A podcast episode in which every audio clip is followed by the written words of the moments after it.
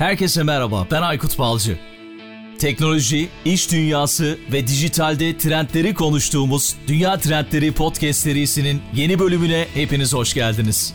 Dünya Trendleri Podcast'in 82. bölümünden herkese merhaba. Şöyle geriye dönüp baktığımda çok uzun bir zaman olmamasına rağmen 82. bölüme ulaştık. Gerçekten bazen inanamıyorum. Hiç tahmin etmediğim bir şeydi bu kadar sürdürülebilmek.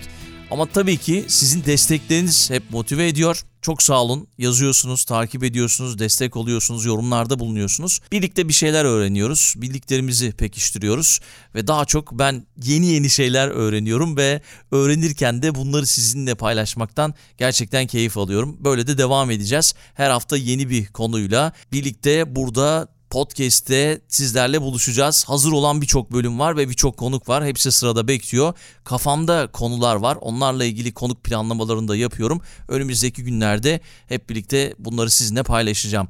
Apple Podcast, Castbox, Ekşi Sözlük gibi platformlardan yorumlarınızı bekliyorum her zaman olduğu gibi. Yazabilirsiniz, devam edebilirsiniz. Aynı zamanda dinlediğiniz podcast platformundan abone olursanız yeni bölüm yayınlandığı zaman size bildirim gelir ve yeni bölümden haberdar olma şansını yakalayabilirsiniz. Çünkü biliyorsunuz her hafta aynı gün sürdürülebilirliğini tam olarak gerçekleştiremediğim için bu podcast platformlarına belki abone olmanız önemli diye düşünüyorum. Aynı zamanda sevdiğiniz bölümleri sosyal medya üzerinden paylaşıp yorum yazarsanız daha fazla kişiye de ulaşma şansını yakalayabiliriz. Sosyal medya hesaplarımızın, web sitemizin ve çok daha fazlasının bağlantılarını podcast'in açıklama kısmına bırakacağım. Oradan bulabilirsiniz. Tabii bir yandan da sponsorlarla görüşüyoruz. Podcast'te bir sponsor olsa ne düşünürsünüz? Dinlemenizde etkili olur mu ya da olumsuz etkiler mi? Gerçekten bunu bilmek isterim. Bana yazarsanız sevinirim. Bir gelir modeli yaratmaya çalışıyoruz birkaç zamandır ve böyle bir duruma da açık olduğumuzu bilin lütfen. Belki aranızda sponsor olmak isteyenler vardır. Bunu da belirtmiş olayım ve son olarak biliyorsunuz bir Patreon hesabımız var. Patreon üzerinden kendinize uygun bir abonelik modeli seçip bu podcast'te destek olabilirsiniz ve destekçilerimiz de var az da olsa. Onlara bir kez daha teşekkür etmek istiyorum ve Patreon hesabımızın bağlantısını da yine podcast'in açıklama kısmında bulabilirsiniz. Her şeyi söylediğimi düşünüyorum bu bölüm yine özel bölümlerden biri olduğu her zaman olduğu gibi girişimci olma yolundaki adımları konuştuk. Konuğum da yine çok özel. Hazırsanız 82. bölüme başlıyoruz. Bu bölümde girişimci olma yolundaki adımlar ve zorlukları konuşacağız. Konuğum harekete geçiren girişimci olarak tanıyoruz kendisini. Aynı zamanda çok güzel podcastlere de imza atıyor. Aslında birçok yetkinliği var. Hepsini anlatacak bize. Enis Erdem Yurda Tapan şu anda karşımda konuğum. Enis hoş geldin. Selamlar. Selamlar abi hoş bulduk. Çok teşekkür ederim davetin için. Çok enerjik bir giriş oldu. Onun için de ayrıca sağ ol. Rica ederim. Her zaman enerjimiz yerinde ve seni de yakından takip ediyorum. Yaklaşık bir, bir buçuk yıldır. Bu ekosistemin ben de içine girdiğimden beri podcast ekosistemin içine çok güzel işlere imza atıyorsun. Seni herkes tanıyor hem girişimci ekosistemi hem podcast ekosistemi ama biraz böyle seni tanımak isteriz açıkçası kendi ağzından. Neler yapıyorsun, neler yaptın bugüne kadar? İstersen onunla hemen başlayalım. Tabii çok güzel olur. E, ODTÜ İstatistik mezunuyum ben. 2017'de mezun oldum. Üniversite zamanında okuldaki derslerden ziyade dışarıdaki deneyimlere odaklanan biriydim. Hep de öyle oldum. 7 tane staj deneyimim oldu. Böyle farklı farklı hem kurumsal şirketleri hem de 3 kişilik startupları görme fırsatım oldu. O da aslında böyle kariyere başlarken bir adım önde olmamı sağladığını düşünüyorum. Sonrasında e, yine yeni yeni mezun programına katıldım. 20 ülkede aynı anda başlayan bir program bu. Orada bir deneyim kazandım. İlk 2 yılı IT departmanındaydı. Veri yönetimi, proje proje yönetimi, sistem analizi, iş analizi gibi farklı rollerde deneyim kazandıktan sonra kurum içi girişimciliği deneyimledim. Kurum içi girişimcilikle de birlikte aslında hem de dışarıda bir yandan girişimcilikle ilgileniyordum. Yine Inovasyon Merkezi çatısı altında full time girişimcilik odaklı bir rolde çalışmaya başladım. Pandemiye kadar e, ağırlıklı fiziksel etkinlikler yapıyorduk. E, yani her gün oluyordu. Toplamda 500'e yakın etkinlik düzenlemişiz fiziksel olarak. Pandemiden sonra da daha online olarak yine girişimcilik inovasyon teknoloji etkinliklerine devam ettik. İNG haricinde de Entrecom adında kendi bir girişimim var. Orada da biz fikir aşamasından ürün aşamasına kadar girişimci yetiştiriyoruz bu programda. Birçok farklı e, araştırma ve metotla birlikte aslında iş fikrini hayata geçirme noktasında onlara rehberlik yapıyoruz. Aynı zamanda da yol arkadaşlığı yapıyoruz. Bir 8 aydır o devam ediyor. 2000'e yakın katılım oldu bugüne kadar. E, güzel girişimler böyle filizlenmeye başladı. O da bizi heyecanlandırıyor. E, çünkü böyle diğer işler gibi böyle hadi bakalım başladık deyip bir ay sonra ortaya bir şey çıkan bir alan değil girişimcilik. Hı hı. Çok deneyimli bir ekipseniz bir ihtimal hani hadi tık tık tık yapalım oluyor ama hiç bilmeyen biri için böyle 7 ay 8 ay güzel bir süre. O yüzden de bizde de yeni yeni çıkmaya başladılar. O da bizi mutlu ediyor. Aynı zamanda da son ay Harekete Geçir adında bir e, yeni bir platform aslında hayata geçirdik. Orada da birebir tanışmaların olacağı, aynı zamanda e, yazılarla ve haberlerle şekillenecek bir platform planlıyoruz. İsmin de amacı başta kendini harekete geçir, sonra girişimciliği, sonra ekosistemi, sonra ekonomiyi diye böyle ölçeklenen bir, bir hedefimiz var. Ona da küçük bir başlangıç yapmış olduk. Kısaca böyle bahsedebilirim. Hani özet olarak da hani 7 gün 24 saat girişimcilikle ilgili çalışmalar yapıyorum. İçerik, etkinlik, podcast, program yönetimi gibi rollerde devam ediyorum. Tam da onu söyleyecektim. Bir de podcast'im var diyecektim. Entrecom adında. Orada da çok güzel konukların oluyor. Gerçekten yani girişimcilik adına hiçbir şey bilmiyorsanız, yeni başlayacaksanız eğer, başından itibaren başlayıp dinlerseniz eğer birçok şey öğrenebilir, yol kat edebilirsiniz. O yüzden de sana çok teşekkür ediyorum gerçekten. Orada da e, çok güzel bilgiler veriyorsunuz. Benim hiç hayatımda duymadığım yani bu ekosistemin içinde olmayan biri olarak duymadığım şeyleri orada duyma şansını yakaladım. O da güzel gidiyor bence. Yeni sezonları da bekliyoruz merakla. Aynen. Ye- yeni sezon yakında. 72 bölüm çektik bugüne kadar. Bayağı biz ben çekerken e, daha böyle günde 4 bölüm 5 bölüm daha tempolu gidiyorduk. Sonra öyle adım adım yayınlıyorduk. Şimdi biraz daha yeni sezonla birlikte odak daha odak konularla böyle dörder bölümlük, beşer bölümlük mini serilerle devam etmeyi planlıyoruz. Evet yani insanların dinlemesi için biraz da vakit vermek gerekiyor. Çünkü vakit Evet. Sorunu da var. Çok podcast da var. Bence güzel, gayet iyi. Seni takip ediyorum yakından. Gerçekten güzel işlere imza atıyorsun. Yani uzun zamandır da girişimcisin ve aynı zamanda girişimci ekosistemini de yakından tanıyorsun. Şöyle başlayabiliriz belki. Yani bu başlığımız girişimci olma yolundaki adımlar ve zorluklar dedik. Belki hani çok fazla her yerde duyulan bir başlık olabilir ama belki sen çok fazla duyulmayan şeyleri bize anlatırsın diye düşünüyorum. Girişimci olan biriyle girişimci olmayan arasındaki en büyük farkı ne olarak görüyorsun? Birçok girişimciyle birlikte çalıştığını düşünüyorum. Aynı zamanda genç yaşlardan itibaren, üniversite yıllarından itibaren girişimci olmaya karar vermişsin. Bu farkı soracağım sana. Aslında o kadar çok fark var ki e, yani böyle say say bitmez denebilecek cinsten ama en temel olanları ben söyleyeyim. Birincisi risklerle ve belirsizlikle mücadele bence. Yani özellikle normalde de öyleydi. Hani pandemi öncesinde. Şimdi sonrasında hepten öyle oldu. Yani sadece sağlık tarafını ayırıyorum. Onunla birlikte işte müşteriniz belki artık hayatta da değil. Yani iş olarak batmış olabilir. Müşteri segmentiniz değişmiş olabilir. Artık insanlar o kadar ürününüzü almaya hazır olmayabilir gibi birçok farklı sorun yaşanmaya başladı pandemiden sonra. Ve bununla birlikte diğer belirsizlikleri de aldığımızda aslında en temel şeyin bu belirsizliklerde dağılmadan mücadele etmek olduğunu ben görüyorum. Çünkü diğer tarafta hani belirsizlik biraz daha az. Yani maaşın ne zaman yatacağı belli, e, nasıl ilerleyeceğiniz belli, e, sizi ne beklediği belli 3 aşağı 5 yukarı. O yüzden birinci konu bu. İkinci konu bence aynı anda birçok iş yapabilmek çok temel bir farklılık. Yani kurumsal dünyada biraz daha şey hani sen iş, iş analistisindir, proje yöneticisisindir. Birazcık şeyin belli. Hani ne iş yaptığın ve e, rol tanımın belli. Ama bu tarafa geldiğinde özellikle erken aşamalarda e, finansı da sen yapman gerekiyor. Satışı da senin yapman gerekiyor. Pazarlama stratejisini, sosyal medyayı da şekillendirip ekibi de yönetmen gerekiyor. Aslında birçok farklı rolü aynı anda yapman lazım ki e, bir şekilde sürdürülebilir, ilerleyebil. Onun dışında yine temel farklardan biri ekip arkadaşını ve ekibi sen kendin kurabiliyorsun. Bu da aslında en önemli challenge'lardan bir tanesi. Kurumsal dünyada sonuçta senin yanına kim gelirse onunla çalışıyorsun. Tabii ki birini önerebilirsin ama olay yine yönetimde bitiyor. Burada biraz da sen kendin analiz edip sen kendi karakterine göre insanlar seçebiliyorsun. Ama bu tabii ki çok kolay bir seçim olmuyor. Yanlış seçimler e, başarısızlığı götürüyor zaten. Hani en temel farklardan biri bu. Onun dışında gelecek tarafında bir farklılık var. Geleceği çok öngöremiyorsun ve ona göre de sürekli şekil değiştirmen gerekebiliyor. İşte bazen X işini yaparken baktın olmuyor direkt Y işine geçebiliyorsun. Yani buradaki değişimin hızı çok fazla. Değişim hızıyla birlikte seni dürten şeyler de daha fazla. Hani o girişimci ruhu olduktan sonra kendi alanınla da ilgili, başka alanlarla da ilgili sürekli farklı ihtiyaçlar gözlemleyebiliyorsun. Ve ister istemez onu da mı yapsak, oraya da mı girsek? Böyle side project denir ona şeyde hani İngilizce terminolojide yan proje gibisinden. Yan projelere çok aldanabiliyor insanlar. Buradaki şeylere de diyeyim fırsatlar da farklı. İki dünyada. Yani en temel farklar bunlar bence. Yani şey aslında hani günümüz dünyasında artık kurumsal şirketler de biraz girişimci çalışanlar bekliyorlar anladığım kadarıyla. Çünkü hepimizin çalıştığımız kurumlarda birden fazla yetkinliğe sahip olması gerekiyor. Belki o girişimci ruh artık normal çalışanlarda da olması gerekiyor diye düşünüyorum. Birden fazla iş yapmamız gerekiyor çünkü. Onu bekliyor şirketler. O yüzden herkesin böyle bir girişimci ruhuna sahip olması gerekiyor anladığım kadarıyla son yıllar içerisinde. Bir de o değişimi koklamak dedin ya hani değişimi öngörmek daha doğrusu. O da çok zor bir şey gerçekten. Herkesin yapabileceği bir şey değil. Ya da o değişimi gördükten sonra reaksiyon alabilmek o da gerçekten önemli bir fark bence. Güzel açıkladın gerçekten teşekkür ediyorum. Peki dün mesela bir girişimle ilgili bir şeye katıldım, konferansa katıldım. Ben yaptığım araştırmalarda işte çoğu girişimin ilk yıllarında başarısız olduğu konusunda bir soru hazırlamıştım sana.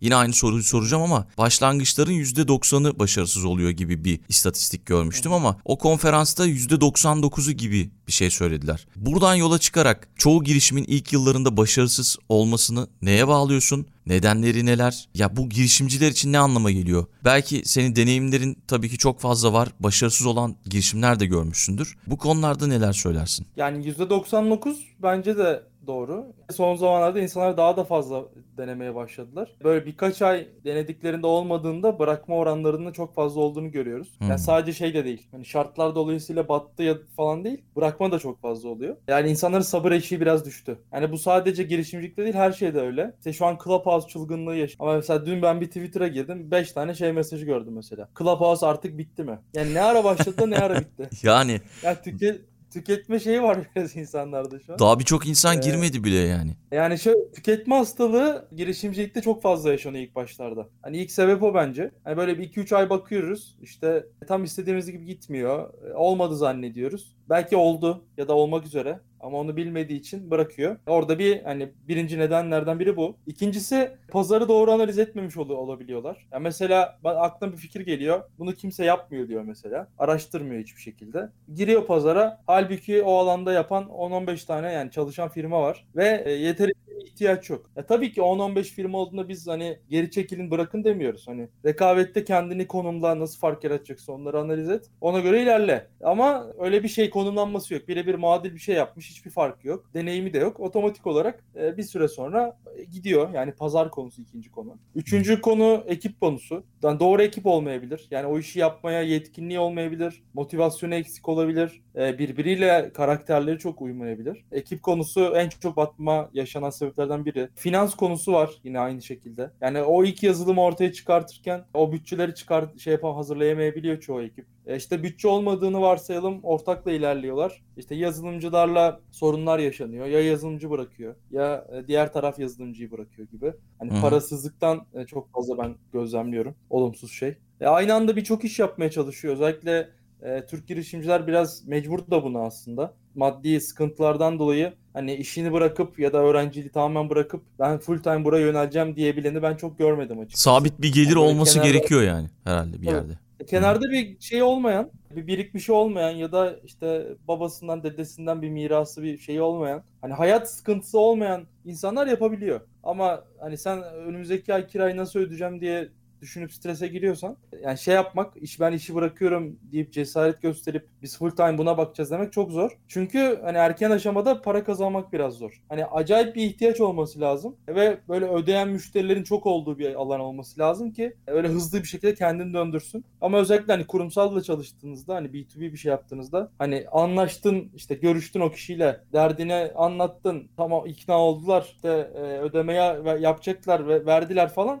8 ay 10 ay belki bir yıla kadar gidiyor. Hani o süreçte de kendini geçindirmen lazım bir şekilde. Hani en temel sıkıntılardan biri o, o açıkçası. Sonra global düşünememe sorunu var. Yani O herhalde an- en büyük sorunumuz o bizim galiba.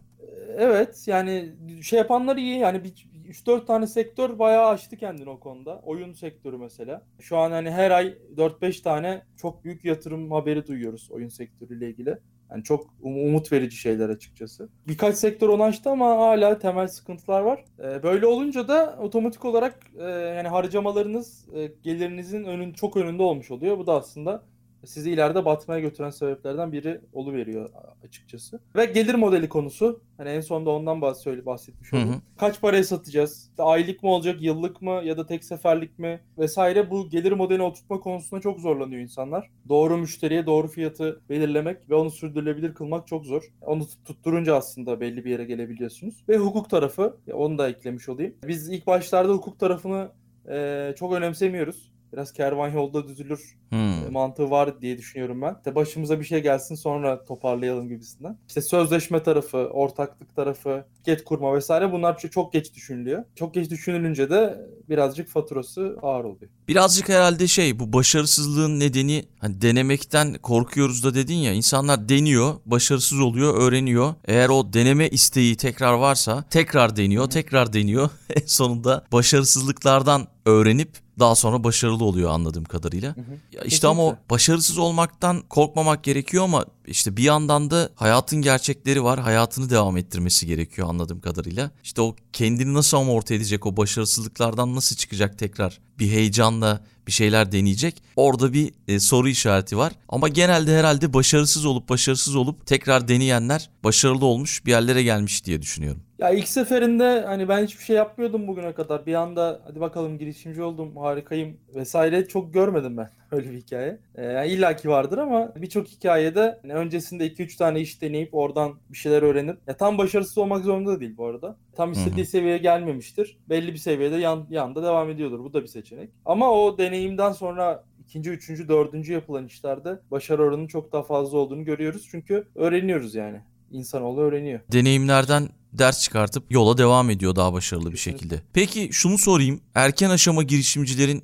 iş fikrini hayata geçirmeleri için neler yapması gerekiyor? Şimdi az çok aslında bir şablon çizdin az önce sen bize. Hı hı. Ya da neler yapmaması gerekiyor? Belki bundan bahsedebilirsin bize. Biz ilk başta bir tane temel soru soruyoruz. Hangi ihtiyacı karşılamak istiyorsun? Bu ihtiyacı karşılarken mesela hemen cevaplayamayabiliyorlar ya da hiç düşünmemiş olabiliyorlar. Orada aslında üç tane konu var. Bir tanesi ya kendinde yaşadığın ya da çevrende yaşadığın bir şey olduğunda o işe devam ettirme ihtimali çok artıyor. Mesela örnek vereyim. İşte kardeşin e, otizmlidir mesela. Otizm hastasıdır. Hı hı. Sen o problemi çözmek istiyorsundur. Ya da işte kendinde bir iş hayatında bir şey gözlemlemişsindir. Kendi biriminde vesaire. Ben onu çözeceğim. İlk kendim rahat edeceğim sonra herkes rahat edecek. Yani bu tarz bir işle başlandığında başarı ihtimali çok artıyor. İkinci ihtimal uzmanlık alanı. Yani sen bir işte o kadar iyisindir ki artık ana işin o olabilir. Biz onu soruyoruz. Yani senin uzmanlığın ne? Üçüncü sorduğumuz şey de sen bu uzmanlık alanında ve kendinde ya da çevrende gördüğün şeyde yeterince araştırma yaptın mı?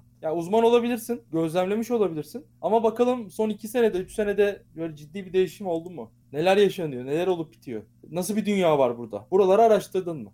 Ya aslında bu üç tane temel şeyi sağlıyorsa başarılı olma ihtimali biz çok daha yüksek görüyoruz ve başlangıçta onu öğütlüyoruz. Sonrasında tek tek analiz kısmına geçiyor. İşte müşteri segmenti kim? Ben bu müşteriden nasıl para kazanabilirim? Hangi giderlerim olabilir? İşte bunlarla görüştüğümde gerçekten yapmak istediğim işin bir karşılığı var mı pazarda? İşte bu pazar kaç milyon dolarlık bir pazar? İşte bu rekabette hangi oyuncular var? Ben nasıl fark yaratabilirim? Nasıl satış yapabilirim? Bunlar aslında kafa yormasını bekliyoruz. Sonrasında işte landing page dediğimiz böyle temel bir web sitesiyle bu ürünü, hizmeti satabilir mi? Onu test ettiriyoruz. Sonrasında yavaş yavaş işte yazılım süreçleri devreye giriyor. İş planlarını oluşturuyorlar. Sosyal medya içerik stratejilerini belirliyorlar. Satış kısmını detaylandırıyorlar gibi böyle adım adım çalışmaları yapıyorlar. Burada bu çalışmaların tabii yapılırken bir yandan da doğru ekibi kurmaları lazım. Çünkü bu çalışmalar böyle tek başına yapılacak ya da böyle tek başına ilerlenecek bir yolculuk değil. O yüzden de kimlerle olacaksınız? Birlikte nasıl bir iş rol dağılımı yapacaksınız? Onların peşine düşmeleri lazım. Bu adımları uyguladıklarında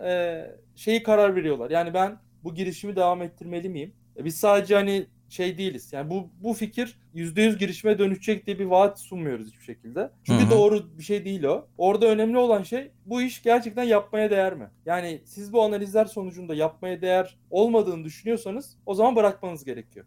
Yani burada duygusallık yapmak, ben işte yola çıkmıştım, bırakmamalıyım. Yani bu çok şey değil. Yani bir yıl sonra üzüleceğinize öncesinde bırakmış oluyorsunuz ama tabii analizleri doğru yaptıysanız. Hmm. Eksik kaldıysa da bu sefer belki hayatınızın projesini bırakmış da olabilirsiniz. Yani o da hassas bir denge var. Hakkını vermek lazım. Yani pazar analizi, rekabet analizi, finans bunlar aslında 3 tane temel analiz. Bunların hakkını vermek lazım. Başarısızlık tarafında da çok üstün körü yaptı yapanlar. Yani üstün körü analiz edip Aa ben bunu direkt yapacağım işte hadi bakalım diye yola çıkanlar bir süre sonra patlıyor. Finans dengesini tutturamayanlar yine aynı şekilde. Hani önünü göremeyecek, görebilecek şekilde plan yapamayanlar gidiyor. Yazılım sürecinde çok fazla başarısızlık yaşanıyor. Aynı zamanda da işte motivasyon. Yani bu işi devam ettiren motivasyonunu kaybeden insanlar e, ağırlıklı olarak bırakıyor. Yani bizim 8 aydaki aslında hani özet olarak gözlemimiz buydu.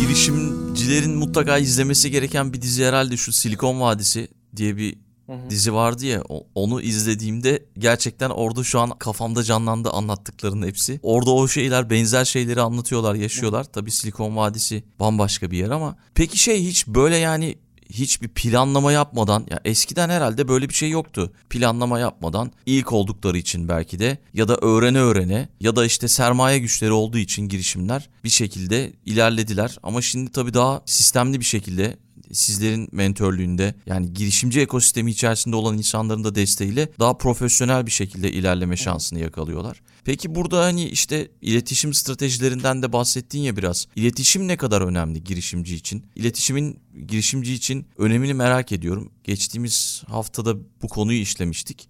Senin de görüşünü merak ediyorum açıkçası. Ya iletişim en temel şeylerden bir tanesi. Yani sadece dışarıya yönelik de değil. Yani ikiye ayırabiliriz onu. İç iletişim, dış iletişim diye. Hı hı. İç tarafta ilk başta ortaklarla, sonrasında ekibe yeni katılacak insanlarla, müşterilerle, işte bir topluluk yapısı varsa toplulukla. Aslında bu şey, e, oradaki sağlıklı iletişim çok önemli. Çünkü şey var, şimdi diyelim ki büyük bir firmasınız siz. E, artık markanız oturmuş, e, stratejiniz belli, diliniz belli, insanlara ne vaat ettiğiniz belli. Ürün satmanız biraz daha kolaylaşıyor. Ama ilk başlarda sizinle ilgili o kadar çok soru işareti var ki, yani siz kimsiniz bir kere? Birey Hmm. olarak, bu ortaklar yapıyorsunuz ama hadi gelin bir anlat bakalım kimsiniz? Bu isim ne? Nereden geliyor? İşte amacınız ne? Ne yapmak istiyorsunuz? Yani bunların hepsi aslında iletişimin temelini oluşturan şeyler. Logodan tutun da misyon vizyon cümlesine kadar. O yüzden de çok temel bir öneme sahip. Başlarda bu doğru bir strateji olmadığında, iletişimi oturtturamadığında vakit kaybediyorsun ve para kaybediyorsun açıkçası. Yani müşteriye satış yapabileceğin yere sırf iletişimden dolayı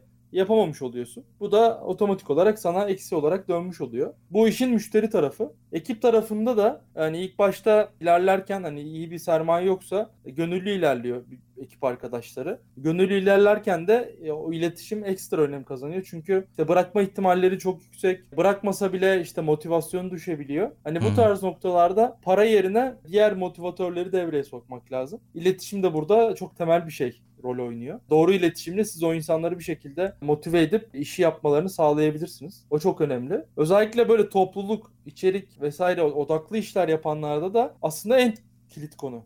Çünkü topluluk yapısında bir siz mesela tepede yaptığınız bir yanlış dil, yanlış söylem aşağıya bambaşka bir dille gidiyor. Yani böyle hep şey olur ya işte sen yukarıdan hafif bir şey söylersin öyle kulaktan kulağa aşağı gidene kadar yangın yerine döner alt taraf falan. Biraz öyle bir durum söz konusu. askerde olurdu bu çok fazla. Aynen. Aynen bence de. Evet. Yani o yüzden e, çok önemli orası. Ben acayip bir öneme sahip olduğunu düşünüyorum. Sadece böyle çok e, ağır bir teknolojik iş yap, deep tech dediğimiz daha teknoloji odaklı bir iş yapıyorsunuzdur. Biraz insandan bağımsızdır. İşte SaaS direkt böyle ondan girip ile- iletişime satın alıp direkt al- alıp kullanabilecekleri bir şeylerdir. Yani insan etkisinin az olduğu girişimlerde biraz daha hani iletişimde böyle nasıl diyeyim eksikler olması çok göze batmaz. Ama iletişimin böyle merkez olduğu işlerde acayip kritik. Birkaç tane araştırma baktım ve bu araştırmayı da paylaşırım. 2016'da yapılmış bu araştırma ama girişimciliğin yalnız bir yolculuk olabileceğini göstermiş bu araştırma sonucu. Sen buna katılıyor musun? Zaman zaman girişimlerin başındaki kişiler kendilerini tükenmiş hissediyorlar mı? Hani tü- tükenmişlik sendromu diye dediğimiz bir şey de var biliyorsun. Küçük ve orta ölçekli işletmelerin sahipleri, yöneticileri bu yalnızlığı hissediyorlar mı? Böyle bir şey gözlemledin mi hiç? Valla ben hissedildiğini düşünüyorum. Kendimden de biliyorum. Bu tarz tükenmişlik tarafında e, yaşadığım biliyorum yani. Bana da oldu. Yani çok kolay değil. Yani bir şeyleri başarmaya çalışıyorsunuz. O ilk başlarda bahsettiğimiz bir sürü belirsizlikle karşılaşıyorsunuz. Hı hı. Haliyle de o belirsizliklerle mücadele ederken şeye ayakta kalmak, böyle bütün sorunlarla mücadele etmek çok kolay değil. Çünkü bazen şey oluyor. Ya ben şey diyorum mesela. Lan ya hepsi aynı güne mi denk gelir yani? Böyle Hmm. işte ne bileyim ekipten biri ayrılmak istiyor. İşte e, program yönetimi için görüştüğümüz birisi vazgeçiyor. İşte girişimci ekiplerden bazıları bırakmak istiyor. İşte bambaşka yandan diğer konular. Böyle aynı anda 8-9 tane sıkıntı yaşanabiliyor tek bir gün içerisinde. Tabii biz erken aşamayız bu arada şeye göre. Yani sonuçta 100 kişinin, 200 kişinin aylık maaşını ödeyen, onların eve ekmek götürmesini sağlayan startuplar var. Hani onlar kimdir? Ay, 8-9 Onlar belki neler komik yaşıyor? geliyordur. Aynen. 8-9 komik geliyordur onlara. Sadece o kadar mı sorun var gibisinden. Yani bunların hepsiyle aynı anda mücadele etmek çok zor. Burada ben aile desteğinin başta, onun dışında işte kız arkadaş, erkek arkadaş tarafı, dostlar ve biraz da profesyonel tarafta da psikolog desteğin çok önemli olduğunu düşünüyorum. Türkiye'de daha böyle çok oturan bir şey değil hala. Hani psikoloğa mı gidiyorsun ha falan. Ha, o bile hala yaşanıyor. Hmm, Ee, ama doğru. e, girişimcilik tarafında ben çok değerli olduğuna inanıyorum. Çünkü böyle yaşadığınız şeyleri birilerine anlatmanız lazım. Var mı yani- peki böyle girişimci psikoloğu diye bir şey var mı? Ya direkt böyle o alanda e, yok ama mesela hani benim bana çok destek olan aynı zamanda da hani asıl iş psikologluk olan işte Özge var. Yani Amerika'da yaşıyor. O girişimcilikle çok ilgileniyor mesela. Hani çok takip ediyor hem de biliyor. E, Aynı zamanda da asıl işi psikolog. O mesela hem bana hem de birkaç böyle girişimlere destek olmuştu. E, Ama hani böyle birebir sadece işi o olan var mı bilmiyorum. Hani duymadım ben. Direkt Bu, böyle belki buradan bir girişim çıkabilir Enis bak. Bunu düşünelim. Vallahi ben özellikle bu pandemiden sonra çok acayip ihtiyaç olduğunu düşünüyorum. Evet evet yani enteresan. Ya zaten hani Kesinlikle. işte büyük girişimcilerin hayatlarını da baktığımızda işte okuduğumuzda işte Mark Zuckerberg, Steve Jobs gibi onlar da böyle yalnızlık yaşamışlar zamanında. Çok normal. Çok normal yani. Kendilerini tepede yalnız hissedenler de oluyor tabii. Öyle de bir durum var. Daha büyüksen. Dediğin gibi böyle saçma sapan şeylerle de uğraşmak zorunda kalabiliyorsun. İşte lavabo tıkanmış atıyorum yani. Bir yandan biri ayrılmak istiyor. Bir yandan işte sistem çökmüş. Daha ciddi sorunlar da var. Daha ufak sorunlar da var. Enteresan şeylerle karşılaşılabiliyor. Girişimcilerin üçte biri kadın olmasına rağmen yani İngiltere ve Amerika istatistiklerine baktım. Yatırımcıların büyük bir çoğunluğu erkek. Böyle gözlemledim ben de. Genelde Türkiye'de de böyle. Sen bunu neye bağlıyorsun? Yani bu konuyla ilgili hani böyle uzman değilim. Hani yatırımcılık tarafında hani sadece böyle gözlemlediğimi söyleyeceğim. Hı hı. Ya Türkiye'de e, çok değerli şey, kadın yatırımcılar var bu arada. Özellikle hani kadın Arya Woman gibi güzel kadın yatırım fonları da var. Hani sayısının ben gitgide arttığını düşünüyorum. Hı hı. Ama girişimcilikle yatırımcılık tarafındaki şeyi kıyasladığımda belki risk iştahı olabilir diye düşünüyorum. Hani ilk aklıma o geldi açıkçası. Yani erkekler biraz daha risk almaya yatkın bence. Daha böyle Hmm. şey. Ya çünkü girişimcilik risk tamam ama yatırımcılık tarafında işte 500 bin, 1 milyon hani ciddi paralar veriyorlar. Özellikle hani melek yatırım tarafında birçoğunun batma ihtimali yüksek olduğu ortamda bir bir kumar aslında. Çünkü hani girişimci olduğunda yine biraz size bağlı, ekibinize bağlı ama yatırımda siz ne kadar iyi şey yaparsanız yapın ekip başaramadığında patlıyor. Hani o yüzden ekibe daha çok bağlı. Ben biraz risk iştahı olduğunu düşünüyorum. Yani Hmm. erkekler biraz da risk almaya daha yatkın. Ama her geçen gün de yatırımcılık tarafında kadın sayısının arttığını gözlemliyorum. Hı. Yani özellikle şimdi işte paya dayalı işte fonlamasıyla da birlikte hani yatırım tarafı biraz daha hareketlenecek. Hani o tarafta e, yine daha fazla kadını göreceğiz bence. E, yani onun dışında da aklıma hani somut bir şey de gelmedi. Hani ben o olabilir diye düşünüyorum. Hı hı.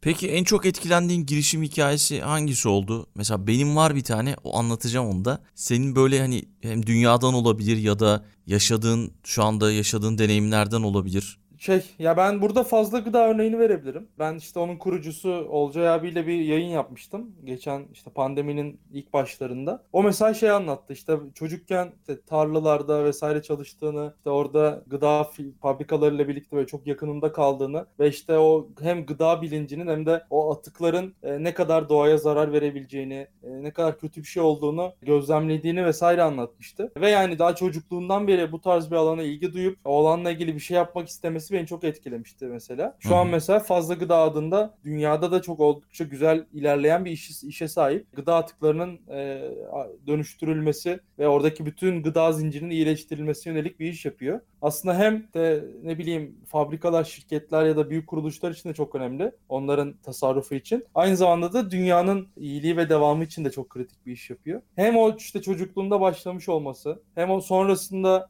işte 7 yıla yakın e, gıda alanında profesyonel bir şirkette çalışması. Aynı zamanda da işte global bir oluşumla birlikte tüm dünyada gıda üzerine araştırmalar yapıp o işe girmek istemesi çok ilham verici gelmişti bana. Ve yani böyle nasıl diyeyim avcunun içi gibi bilir diye bir tabir var ya. Hı hı. E, yani öyle bir anlatıyor ki şeyi yani işte e, oradaki dünyayı e, nelerin eksik olduğunu, nelerin tam olduğunu yani o kadar güzel öğrenmiş ki yani ne yapsa tutturur gibi bir güven veriyordu dışarıya ki zaten şu anda da öyle ilerliyor. Aynı Ço- zamanda da hani aile olarak da şey yanlış bilmiyorsam 3 tane de çocuğu var böyle çok güzel yaşamı da var. Hani o da çok örnek bir şey. İkisini de aynı anda yapabilmesi böyle çok takdire şayan o yüzden hani ona örnek verebilirim. Yani çocukluktan o işte bilinci alması belki burada başka da bir mesaj var aslında. Çocukluktan insanlara mesajları verebilirsek, doğru yönlendirebilirsek gelecekte çok daha iyi yerlere gidebilirler, başarılı olabilirler, istediklerini yapabilirler. O da güzel bir mesaj bence. Kesinlikle. Güzel bir girişim hikayesi oldu. Onu paylaşırım zaten podcast'ın açıklama kısmında. Ben de eh, daha önce de bahsetmiştim aslında podcast'i dinleyenler biliyordur. McDonald's'ın hikayesi beni çok derinden etkilemişti. Biraz da üzülmüştüm açıkçası. Çünkü biliyorsun McDonald's kardeşler o sistemi kuran iki kardeş ama yani cesaretleri yok. Büyüme cesaretleri yok. Korkuyorlar ve sonrasında bir satışçı olan restoran zinciriyle alakası olmayan birisi sadece yaptığı satış işinden dolayı ülkedeki bütün restoranları gözlemleme şansı olan birisi onların restoranını görüyor ve aradaki farkı görüyor ve işte daha sonra ülke çapında sonra dünya çapında bir hale getiriyor. Trajik olan şu devretmek zorunda kalıyorlar. Kişilerin isimlerini hatırlamıyorum şimdi şu anki sahibinin adını. McDonald's kardeşler McDonald's'ı devretmek zorunda kalıyorlar. Bunun nedeni de şu franchise verdikleri her binayı satın alıyor o satışçı Evet. kişi. Dolayısıyla hikayeyi sen biliyorsundur zaten. Tabii tabii Dolayısıyla de. Evet dolayısıyla şey yani ellerinde avuçlarında bir şey kalmıyor. O yüzde birlik hisseyi bile alamıyorlar. Ki şu anda o yüzde birlik hisseyi almış olsalardı bile.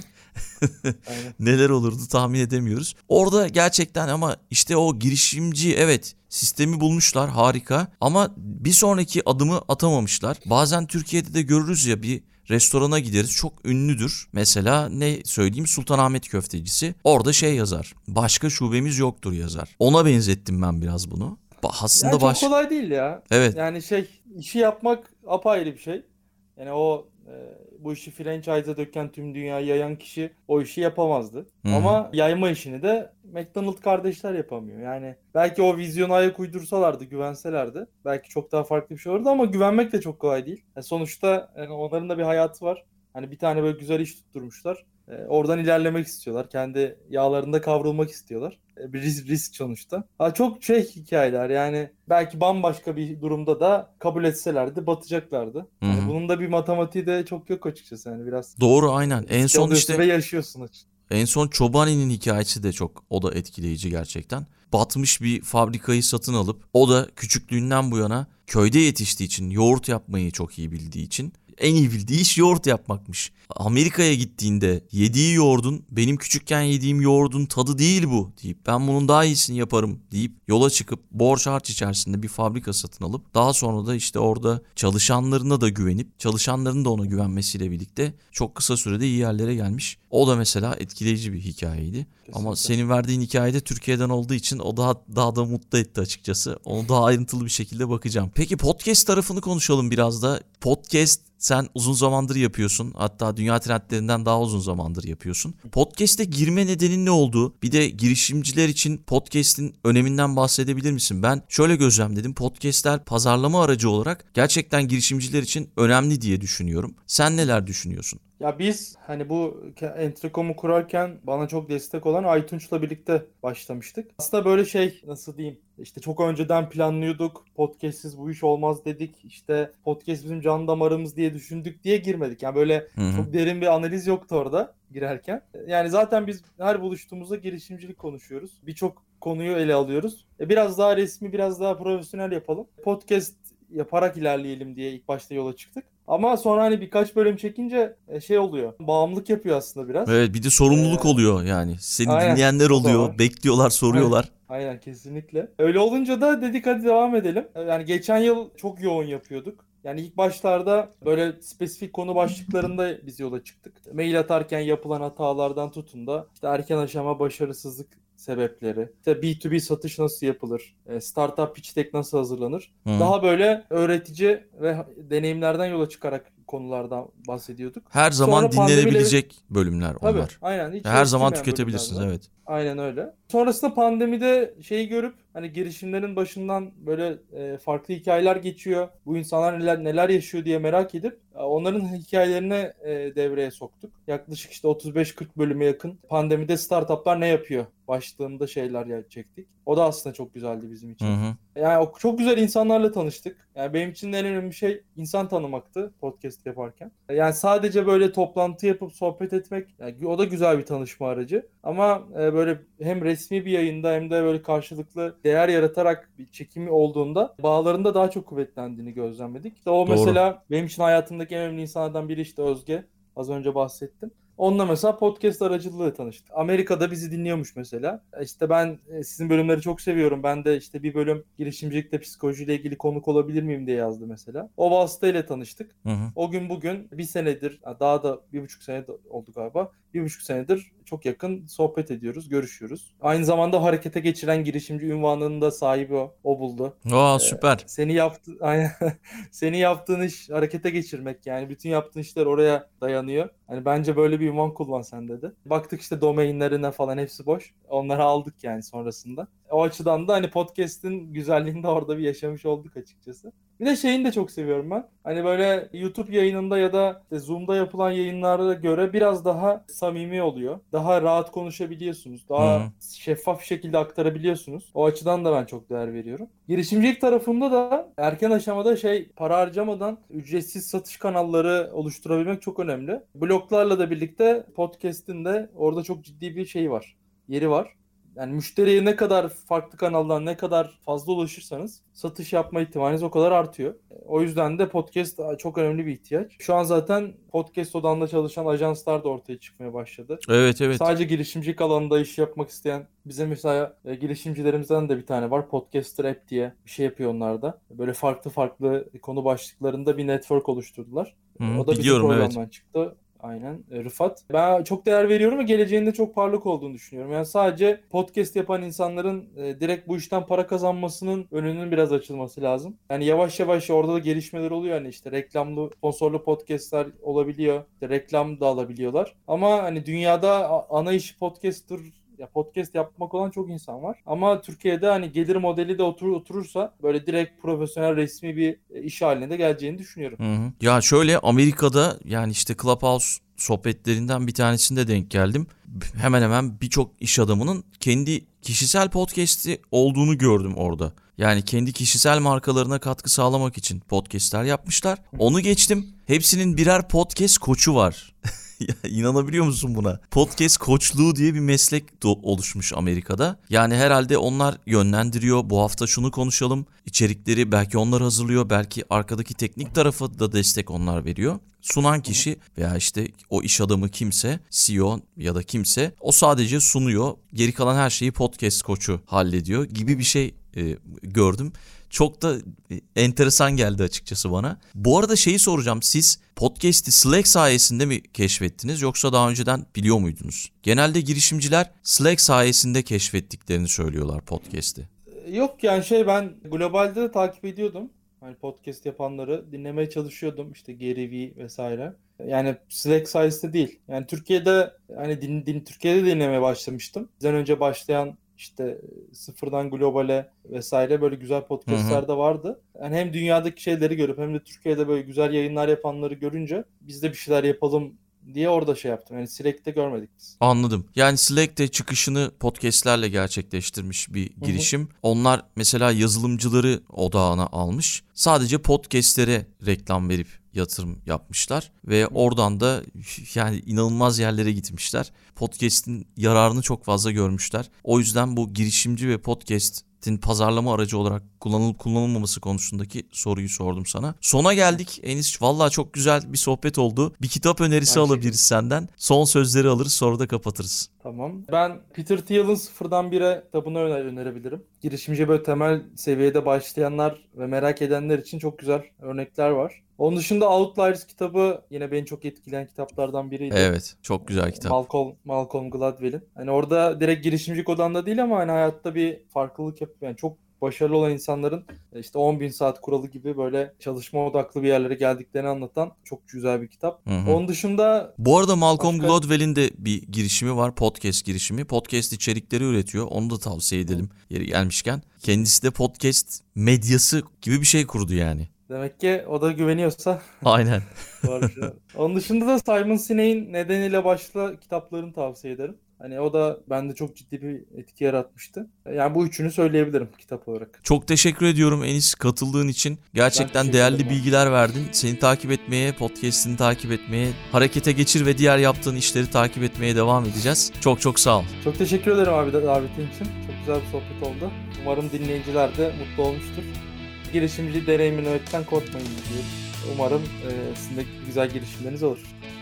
Dünya Trendleri Podcast serisinin bu bölümünün sonuna geldik. www.dünyatrendleri.com Twitter'da @dünyatrendleri, Instagram'da dünya.trendleri adreslerinden Dünya Trendleri Podcast'i takip edebilirsiniz.